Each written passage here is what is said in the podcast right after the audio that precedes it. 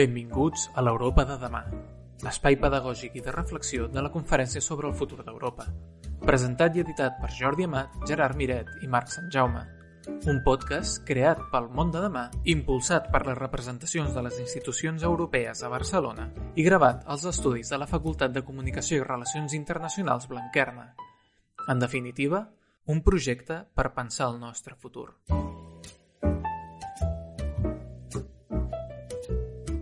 Gerard, com vas? Hola, Jordi, què tal? Bon dia. Ens tornem a trobar per parlar sobre l'Europa de demà. Sí. Ah, trobo que quan ens, ens posem a tenir aquestes eh, converses tenim dues possibilitats.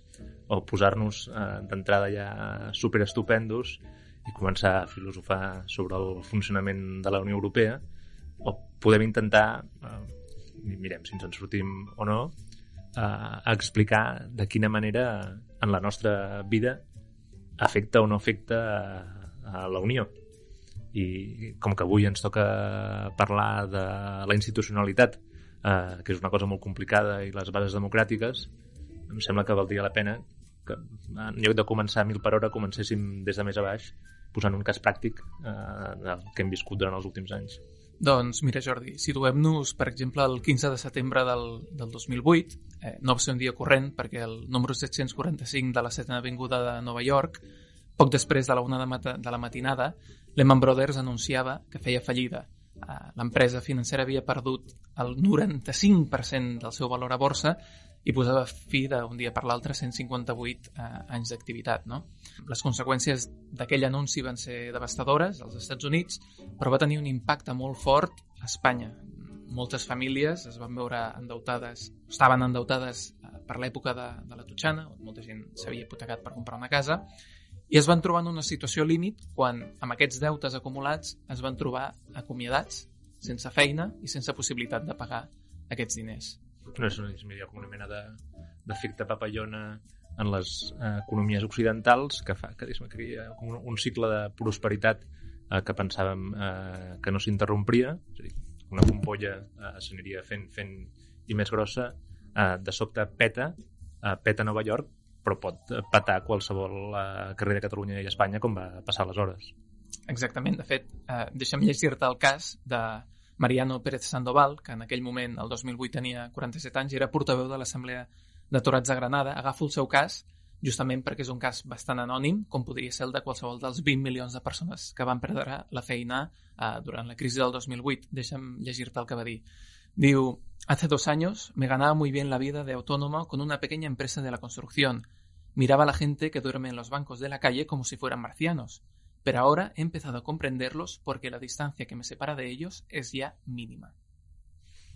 El, el, el, posem per cas, el, el, el Mariano es troba eh, en aquesta situació eh, crítica, eh, el seu horitzó d'expectatives del que havia eh, de ser la seva vida eh, se'n va l'aigua i aleshores eh, aixeca, veu gent que pateix però aixeca la mirada i mira les institucions i probablement es va fixar en una amb la que no s'havia fixat massa vegades eh, que era bueno, l'entramat institucional europeu. No? Eh, llavors, el que ens vam trobar, crec que aquesta va ser una sensació creixent i que afecta a la legitimitat de, de la Unió, és que eh, la resposta no va ser l'esperada.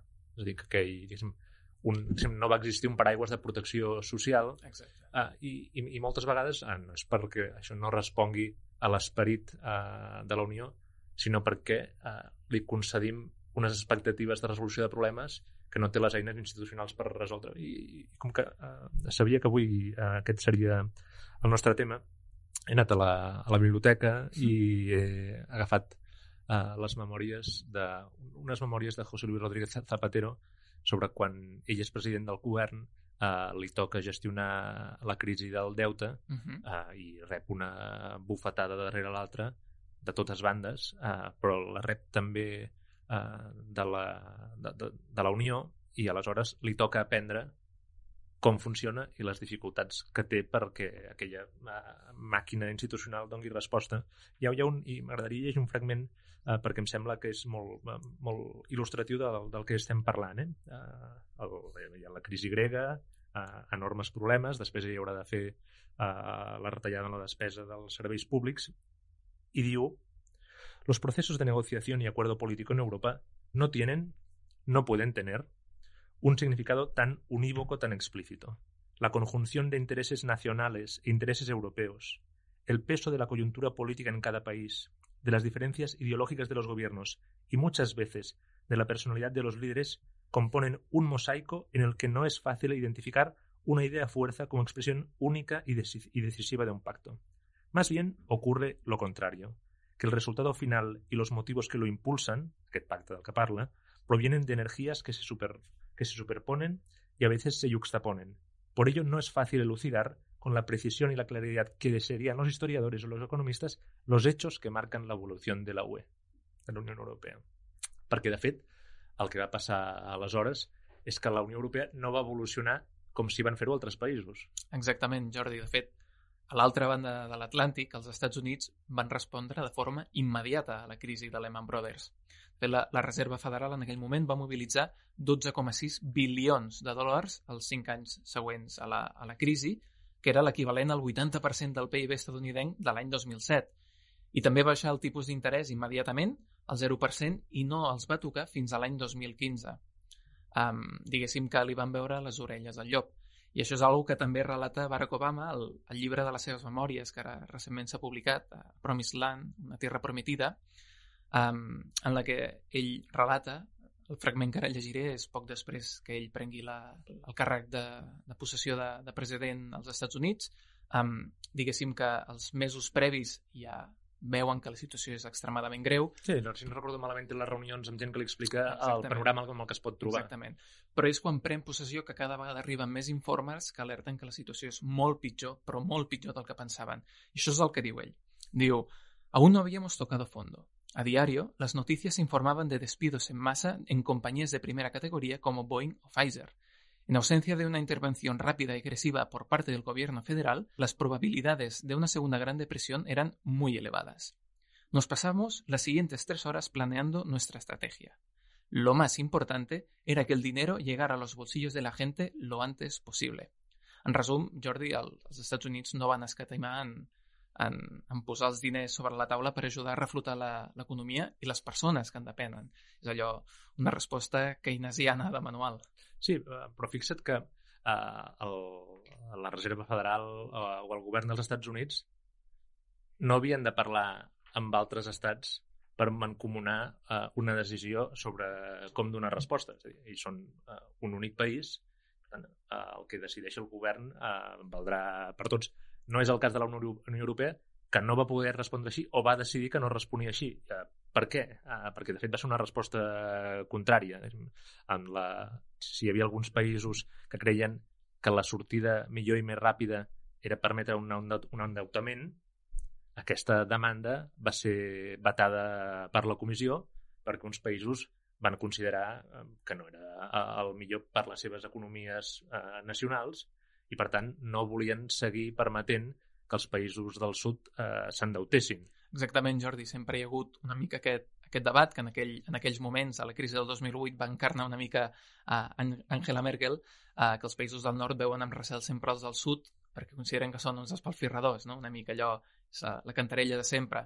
De fet, la Unió Europea no va fer res fins a l'any 2010, és a dir, del 2008 al 2010 no fa res, i en aquell moment, davant de la crisi del deute de l'euro i del rescat a, a Grècia, és quan es comença a posar fil a l'agulla, però fins aleshores es perden dos anys, dos anys en què la inacció desespera a moltíssimes i moltíssimes famílies. Sí, no, no, uh, no recordo si en, en quina data del calendari de la gestió de la crisi europea hi ha una intervenció que a mi em sembla definitiva i molt significativa per qui la pren eh, que és la, el, el, el paper que juga en la resolució de, de la crisi Mario Draghi. Uh -huh. Per tant, és el Banc Central, eh, no la Unió, eh, quan ell diu eh, farem el que calgui, és, per entendre'ns, és el salvament de l'euro el que, eh, en últim terme, justifica que hi hagi una injecció econòmica suficient per afrontar les crisis eh, que s'estaven que s'estaven encadenant. I jo diria, no sé si estaràs d'acord o no, però que aleshores eh, es va constatar d'alguna manera eh, que l'entramat institucional europeu en clau política no tenia una fortalesa suficient i això fa eh, que la gent miri les institucions amb més o menys escepticisme, però en tot cas el judici inicial va ser que no s'havia respost de la millor manera possible eh, i, per tant, que s'hauria de respondre d'una altra manera, crec que el paper eh, que juga Draghi el converteix aleshores en un dels actors més rellevants del, del, del procés eh, de progressiva eh, consolidació eh, del mercat, d'una moneda i finalment de, de la proposta política eh, de la Unió i que explica en bona mesura per què ara la resposta està sent diferent. Sí, de fet, eh, justament eh, sembla ser que a través de l'aprovació el, el passat eh, 21 de juliol dels, dels fons Next Generation EU, el famós paquet de 750.000 milions d'euros eh, per ajudar a pal·liar la crisi, sembla ser que finalment la Unió Europea canvia una mica la seva idiosincràsia de mirar-se les crisis amb, amb, els, amb els braços creuats, no? Al final sempre una mica la sensació aquesta dels, dels vetos creuats entre països eh, portava que en situacions límit la Unió Europea no fes res i això, diguéssim, que eh, desencanta bastant a la població respecte del, del projecte europeu. Um, aquesta vegada ha sigut diferent, no ha sigut diferent l'oposició dels famosos països frugals, els països del nord, digue-li com vulgueu, els, que també, els països que... Que, que també final, tenen les seves raons, eh? Exacte, que al final representen una mica aquesta, aquesta austeritat, que així com a la crisi del 2008 eh, la cara al rostre era Angela Merkel, en aquest cas ha sigut el primer ministre holandès Mark Rutte, eh, un personatge que s'ha fet bastant, bastant conegut aquests, aquests últims mesos. Hi ha un dirigent d'imatge agradable, que va en bicicleta, proper als ciutadans, que és, és, és primer ministre des de l'any 2010, compte, vull dir que porta, porta temps i recentment ha, el seu partit ha tornat a guanyar les eleccions, però Ruth eh, ha sigut molt, molt, molt ferm i molt dur en les negociacions. De fet, ha deixat imatges icòniques com quan el, el president Pedro Sánchez el van a visitar, eh, li va espatar que sense reformes no hi hauria cap ajuda, o quan en un vídeo a les xarxes socials, que es va fer eh, molt conegut i bastant polèmic, un treballador d'un centre de processament de bessures de, de l'AIA li va cridar des de la distància no li donguis diners als espanyols ni als italians. I ell va respondre allò amb un somriure pícaro, que dirien en castellà, i va dir, no, no, no us en donaré pas. No, uh, uh, naturalment el, el, els estats segueixen conservant aquesta capacitat de vetar, uh, però el fet és que hi ha hagut uh, canvis eh, substancials. El, el clau, a mi em sembla, que és el de, el de l'emissió de, de deute per part de la Unió eh, i hauríem de, de, de, de tenir l'esperança, perquè ens cal, eh, que en la sortida que hi hagi en la crisi econòmica provocada per la Covid, eh, la Unió Europea jugui un paper diferent i, per tant, eh, quan eh, el, el que diu Ciutadà, el que parlàvem al principi, eh, el Mariano Pérez Sandoval eh, es, que, que potser es troba que el seu fill eh, tenia un bar eh, i ho està passant molt malament eh, i que el, ell digui, ostres, ser europeu val la pena perquè el meu fill ha rebut unes ajudes Exactament. que li han permès tirar endavant. I esperem que això és el que ara, ara funcioni. Exactament. De fet, eh, aquest és el tema, no? que, que la gent no s'hagi de preguntar per què serveix ser europeu. És a dir, al final aquestes persones anònimes que fan el dia a dia a la Unió Europea no, no se'ls ha de demanar que coneguin tots aquests funcionaments, la burocràcia infinita, les conferències, les dades macro, macroeconòmiques, no? Aquesta gent que vol són solucions. Solucions quan hi ha problemes i al final la democràcia es tracta d'això, d'escoltar la ciutadania i donar solucions. El repte de, de la Unió Europea és poder modificar aquesta idiosincràsia i donar solucions a la seva població, als seus ciutadans, i fer-ho de forma àgil. I jo crec que, en certa mesura, i repetirem, crec, cada programa perquè és importantíssim, la conferència del futur a Europa que ara es posa en marxa el 9 de maig és importantíssima per això, perquè ens permetrà explicar-nos i posar èmfasi en tot allò que creiem que ha de millorar. I des d'aquí us emplacem a, a que hi participeu i que en la mesura que, que vulgueu, en el tema aquest de, que tractem avui de les bases democràtiques, hi digueu la vostra. Ara, tot seguit, eh, com que em sembla que nosaltres ja hem parlat prou, Jordi, donem pas al Marc, que em sembla que avui ens porta unes entrevistes d'allò més interessants. Avui, com sempre. I ara, l'entrevista de l'Europa de demà, amb Marc Sant Jaume. Per parlar sobre la crisi de legitimitat eh, que arrossega la Unió Europea des de fa anys i sobre, eh, més en general, la qüestió de les, les bases democràtiques de la Unió, avui ens acompanya la investigadora principal especialitzada en Unió Europea, Desinformació i Política Global del CIROP, la Carme Colomina. Hola, Carme. Hola, què tal? Um, bé, Carme, avui uh, dediquem el nostre podcast a la qüestió de um, la democràcia i la Unió Europea. Um, la, la crisi de legitimitat o aquesta crítica de legitimitat que s'ha fet a la Unió Europea doncs, des, des de fa molts anys és un tema que preocupa i que pot formar part de, de les qüestions que els ciutadans que participaran en aquesta conferència sobre el futur de la Unió Europea posin damunt la taula. No? Uh, volem aprofitar que ens acompanyes uh, per comentar um, quina és la configuració institucional de la Unió Europea i també per parlar sobre uh, quins són els canals de legitimitat o quines són les fonts de legitimitat que té i sobre doncs, els potencials canvis que es podrien fer a, a, a l'estructura institucional de la Unió. No?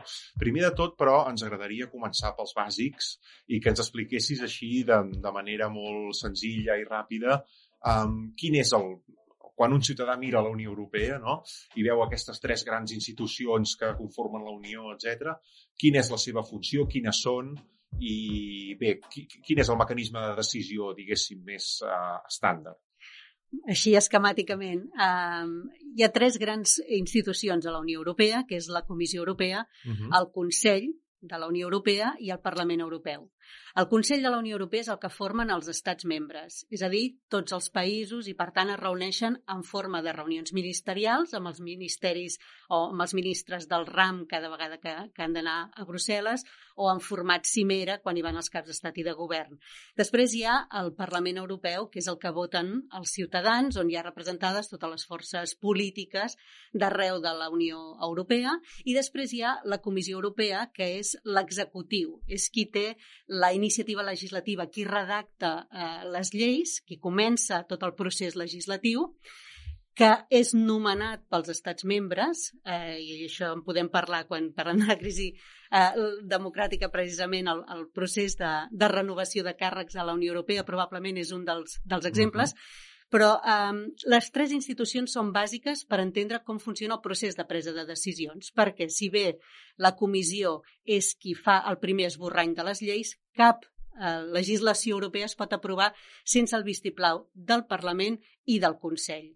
És a dir, que cal que tots dos es posin d'acord, tenen poder de codecisió i això és important perquè moltes vegades eh, es desconeix quan arriben les eleccions europees quantes vegades no hem sentit la frase el Parlament Europeu no serveix de res pel que fan, quin poder tenen, doncs tenen yeah. tant poder, uh -huh. en certa manera, com els, els ministres que reuneixen el Consell, perquè tots dos han de donar el seu vistiplau, tenen la capacitat d'esmenar i aprovar la legislació. Um, quan, quan sovint es parla o s'esmenta aquesta qüestió de la crisi democràtica o de la crisi de legitimitat, per exemple, arran de les mesures eh, d'austeritat que, que va prendre eh, la, la Unió durant eh, la crisi econòmica i més recentment en relació, per exemple, a la compra de vacunes, etc. Quan ens referim a això, a aquest, a aquest problema, com el podem emmarcar? Això és un problema nou de la Unió Europea o és una qüestió que, que s'arrossega, diguem, en el que és el disseny institucional de, de, de la Unió? Sí, jo crec que és bastant inherent al mateix procés de construcció europea. Si pensem en com s'ha format i com va creixent la Unió Europea, no? la, la Unió Europea es, es desenvolupa a partir de dues dimensions, no? l'ampliació i la, la integració. És, dir, és a dir, cada vegada té més, eh, més membres i alhora cada vegada hi ha més integració política ja els països van cedint més competències a Brussel·les. Doncs bé, aquestes dimensions, en certa manera, van creant aquesta tensió també de legitimitat, perquè a la que s'amplia el nombre de membres, què ha passat amb els anys? Primer, que les regles de joc que es van pensar per als sis primers estats membres que van fundar la Unió Europea uh -huh. han quedat terriblement curtes per una Unió Europea 27, també perquè amb aquesta ampliació han entrat països amb tradicions democràtiques, amb història política recent molt diferents i, per tant, visions molt diferents del que es vol de la Unió Europea. No tots volen el mateix i això també crea una altra tensió. I després, perquè, a més a més, amb aquestes diferents visions de la Unió Europea, també el procés d'integració es viu per uns com la lògica normal d'anar avançant, eh, la, la Unió Europea sempre ha de tendir a més ampliació, a més integració política i per altres que volen una Unió Europea més econòmica, doncs no estan per aquesta, amb aquest objectiu o, o, o amb aquesta visió. I, I això és inherent. Per tant, jo crec que això és part. La segona, la segona part de la teva pregunta, què passa quan hi ha casos com aquests que hem viscut, la crisi, per exemple, econòmica i financera, o ara amb la crisi de les vacunes? Jo crec que això també ha anat modificant la manera com, com entenem la Unió Europea d'una manera clara. Um, mira, amb la crisi econòmica, o abans de que arribés la, la crisi econòmica, quan parlàvem de la Unió Europea, els que fa, tenim una edat i fa anys que l'expliquem, me'n recordo que sempre la, la crítica que es feia és la Unió Europea és aquell ens llunyà que no sabem per què, què decideix i, i per què existeix. Això canvia completament amb la, amb la crisi econòmica. Per primera vegada, la ciutadania té una percepció molt més clara del poder que té la Unió Europea sobre el seu dia a dia. El problema és que un cop un après per què serveix la Unió Europea, després no estaven molt contents amb les decisions que es van prendre a la Unió Europea. Però el procés d'europeïtzació, és a dir, de conèixer realment per què serveixen les institucions o què decideixen les institucions, fa un pas endavant amb la crisi, malgrat que crea un descontentament general.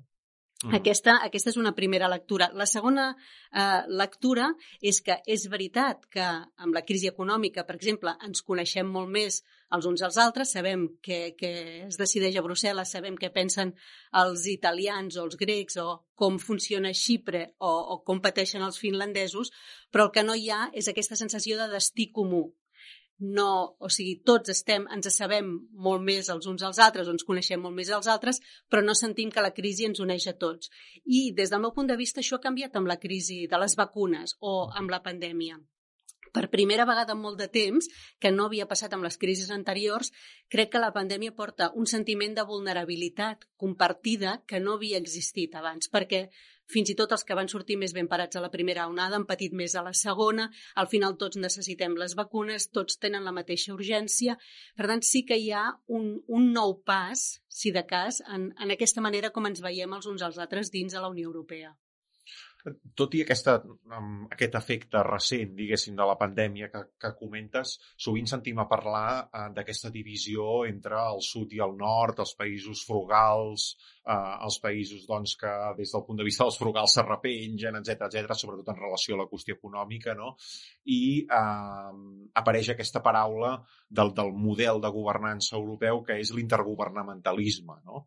Um, per què es diu que uh, a la Unió Europea predomina l'intergovernamentalisme per sobre, per exemple, d'aquesta institució que comentaves abans, que és el Parlament Europeu, que aquest sí que l'escollim eh, directament els ciutadans europeus. Com és que predomina aquesta dinàmica intergovernamental? Això també ha anat evolucionant amb els anys i sobretot també a partir de les crisis. Um, jo vaig estar de corresponsal a Brussel·les a finals dels 90, per tant, la Unió Europea d'aquell moment a l'edat és completament diferent. En aquell moment hi havia dues cimeres de caps d'estat i, de, i de govern mm. l'any i després es va passar a quatre com una cosa excepcional. Si veiem ara la intensitat de les reunions i la gravetat de les decisions que s'han de prendre en aquestes reunions de caps d'estat i de govern, veurem quina presència no, tan clara han agafat els caps d'estat i de govern en el comandament polític de, de la Unió Europea. Primer perquè és veritat que les urgències, sobretot amb la crisi econòmica, acceleren aquesta necessitat de que els, els governs s'hi impliquin, també perquè alguns d'ells són els que hauran de posar els diners en els rescats, i això fa que diguin si nosaltres ens hi hem d'implicar, nosaltres volem controlar políticament les decisions que, que es prendran i centren aquesta dinàmica clara d'intergovernamentalitat que, que tu deies. No? Hi ha, moltes vegades jo cito un, un discurs que fa la cancellera Angela Merkel a principi, a la tardor del, del 2010 ella va inaugurar la, l'any escolar al Col·legi de Bruges, a, a Bèlgica, no? que són els estudiants que fan el màster, que molts d'ells acabaran treballant després a les institucions europees. I, I Angela Merkel fa allà un discurs d'inauguració que s'ha considerat que és una mica les bases teòriques d'aquesta nova intergovernamentalitat, no? perquè um, sempre s'ha dit que la comissió és la guardiana dels tractats. Quan un, un mira les, les institucions, precisament, sempre es diu la comissió és la guardiana dels tractats perquè no només eh, té la iniciativa legislativa, sinó que després és la que s'encarrega de vigilar que els estats membres la compleixin, compleixin la legislació i si no és quan els porta al, al Tribunal de Luxemburg. Doncs bé, en aquell discurs Angela Merkel ve a dir és veritat, la comissió és la guardiana dels tractats, però nosaltres, els estats, nosaltres som els senyors dels tractats, the masters of the treaty. Clar, el senyor està per sobre del, del guardià, no? i sempre s'ha interpretat que aquest, que aquest discurs és una mica l'inici, no? les, bases, les bases teòriques d'allà on realment ens hem, ens hem assentat. Eh? S'ha fet aquesta Unió Europea totalment intergovernamental. Són els, els estats membres els qui volen decidir, els qui, els qui realment marquen tota la pausa. I això també afecta moltíssim en, en tot el debat de la legitimitat. No? Eh, primer perquè mm, queda en una situació molt estranya. La comissió reduïda gairebé a uns serveis tècnics, allò a la voluntat dels estats, dels estats membres, Exacte. però també perquè hi ha estats membres que tenen un discurs que han anat trebant amb els anys. Jo he sentit dir clarament a diputats, per exemple, hongaresos del Fidesz, a defensar que, de fet, la intergovernamentalitat és molt més democràtica perquè, al cap i a la fi, els, els governs eh, han estat escollits democràticament i, en canvi, la comissió no. I amb, aquesta, amb aquest argument ells defensen que aquesta coordinació entre governs és més democràtica que la transnacionalitat no? d'enviar de, les competències a Brussel·les i de regir-nos tots per les mateixes institucions allà. Però, aleshores, en aquesta línia d'argument que, que, que segueixen els diputats hongaresos i imagino d'altres diputats uh, europeus, aleshores el, el, el vet dels estats, no? el, el, el fer servir el veto, això, això implica un problema de funcionament, perquè això moltes vegades bloqueja iniciatives com ara, doncs, per exemple, fer una política econòmica més expansiva i buscar més recursos per la Unió, etc. Això sempre va quedant frenat Uh, tot i que ara hagi sortit el Regne Unit, però va quedar frenat per aquests, aquests vetos estatals. No? Això, això, és, um, això també genera un problema de legitimitat o d'ambició no sé com dir-ho, eh, com es pot uh, sobrepassar aquest problema del vet, no? És, és complicat perquè, com veus, és gairebé un cercle eh, viciós i no virtuós, perquè tornem allà on, on dèiem les, les regles inicials no valen per aquesta Unió Europea 27, on hi ha eh, voluntats diferents sobre què es vol de, en la Unió Europea. Per on ha de passar a eh, trencar aquest, aquest cercle? És difícil. Jo crec que hi ha dues vies. La primera, naturalment, seria les reformes, no? La reforma del tractat, que és gairebé un anatema. Avui en dia, qualsevol cosa que soni reforma del tractat no només per la dificultat de posar-se d'acord, sinó pels processos de ratificació després que hi ha d'haver a cada estat membre, on es corren els riscos realment de que torni a embarrancar el procés d'aprovació de qualsevol reforma de, de tractat, com s'ha vist. Aquesta és una via i és una via complicada, dolorosa i que eh, els estats no volen encara de, de cap manera. La segona via de legitimació durant molt de temps, des, de, des del punt de vista de la, comi de la comissió, eh, va ser la legitimació per resultats la comissió deia clarament, bé, a vegades ens, ens costa explicar què som nosaltres, no? per què nosaltres eh, som útils a, a la ciutadania, ja que eh, per això mateix que dèiem no és, no és l'òrgan que han escollit i que moltes vegades ens costa d'entendre què fa aquest funcionariat a Brussel·les, la comissió tenia claríssim que eh, si ells eren útils, si podien demostrar que eren útils, que de fet el que fa la comissió millora la vida de la ciutadania, doncs estava legitimada, quedava legitimada precisament pels resultats. I això eh, va servir d'argumentació durant molt de temps a, a la comissió. Què passa? Doncs que amb la crisi econòmica, precisament, aquesta argumentació eh, acaba, eh, acaba de, embarrancant també, ah. perquè un cop tu ja no pots millorar, no pots garantir que millores la vida de la ciutadania, ah. doncs el, el teu procés de legitimació fa els resultats queda, queda empantanat. I això ha afectat també a la Comissió Europea i crec que una mica eh, també ha estat al darrere de, de les decisions que han volgut prendre durant la crisi sanitària, probablement, no? Aquestes ganes de consolidar-se com un poder amb la negociació de les vacunes, que després probablement no ha sortit tan bé com volien, però, però des del meu punt de vista també hi devia haver una part d'explicació de, en tot això.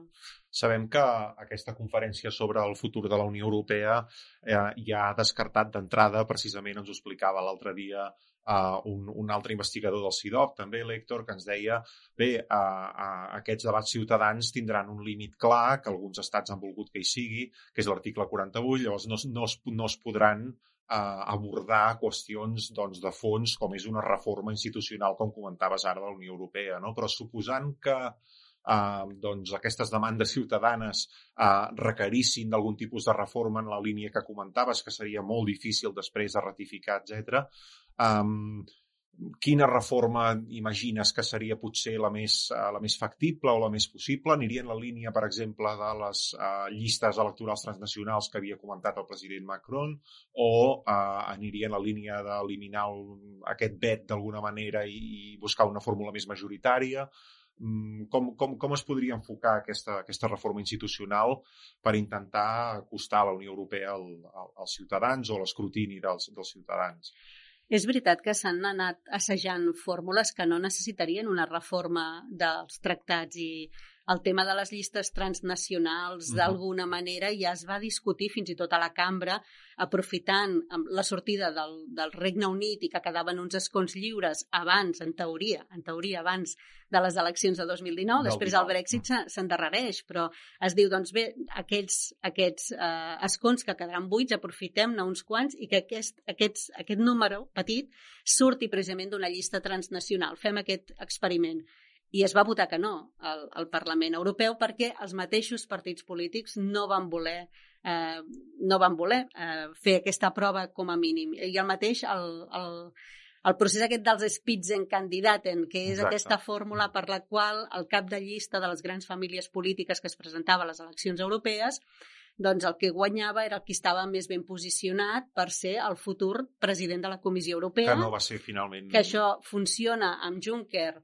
perquè jo crec que agafa els estats membres molt a contrapeu i no s'atreveixen a no triar el candidat que, o del partit que ha guanyat o de la, la família política que ha guanyat, però en aquestes últimes eleccions del 2019 això ja torna a quedar aparcat i si mires clarament no només la presidència de la comissió, cap dels càrrecs que es renova el 2019, cap d'ells havia anat a, de cap de llista a les eleccions europees. Per tant, totalment.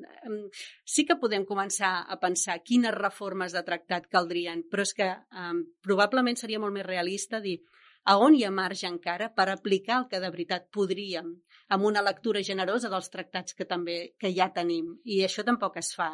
Llavors, el que, el que falta, més que reformes, és voluntat política. I el que necessites primer de tot és la voluntat política. No? I aquesta voluntat política, i ja per anar tancant, eh, podria implicar buscar, per exemple, eh, una legitimitat per rendiment, una legitimitat de resultats nova després d'aquesta pandèmia, eh, buscar una certa ambició de la Unió Europea en aquest sentit, per tal també de, doncs de, de, de fer que els ciutadans percebin la Unió Europea una altra vegada com unes institucions útils, com unes institucions que necessiten. Clarament per mi seria una, una sortida lògica i de fet només cal que escoltin um, si un va veure l'últim eurobaròmetre que, que uh -huh. publica la Comissió Europea preguntant als ciutadans sobre la pandèmia, el que diu aquest eurobaròmetre clarament és que els ciutadans volen l'Europa social, que volen més cobertura, volen més protecció, per tant, jo, jo crec que ja hi ha una línia a seguir, no? I, i, i de fet seria una manera això de recuperar aquesta legitimació per, per resultats eh, i, i a més trobo que malgrat les crisis cada vegada i, i les crisis també de confiança en la ciutadania cada vegada aquesta confiança s'ha recuperat cada vegada la ciutadania ha tornat a dir no, no, és que nosaltres volem una, una Unió Europea més forta, no la volem més dèbil en general. Eh, hi ha una altra, una, una altra enquesta molt interessant que fa també un think tank eh, europeu aquest estiu, el European Council for Foreign Relations, fa una enquesta sobre això, sobre si creu la ciutadania a, a 10 països diferents de la Unió Europea que s'està millor negociant el món amb, amb, amb la Unió Europea que, que per separat, naturalment. És que gairebé és una pregunta al cavall blanc de Santiago, no? um, doncs sí, uh, si ho preguntes, hi ha una voluntat, perquè uh, si una cosa hem après, per exemple, amb la pandèmia, i, i, i no només amb la pandèmia. Eh, és el mateix que passa, per exemple, negociant amb les plataformes tecnològiques tot el procés de digitalització. Un és molt més fort quan surt a negociar en nom de 500 milions de persones que quan surt a negociar en nom de 18 milions. I això la ciutadania, més o menys desencantada, ho sap, no? Molt bé, doncs uh, moltes gràcies, Carme Colomina, investigadora al CIDOP. Uh, seguirem parlant els propers, els propers podcasts de, de la qüestió de la legitimitat i també de, de molts altres aspectes que afecten el futur de la Unió Europea. Gràcies, Carme. A vosaltres, encantada. Adéu-siau. Fins una altra. Això ha sigut l'Europa de demà. Us esperem, com sempre, la setmana que ve per reflexionar sobre el nostre futur. thank you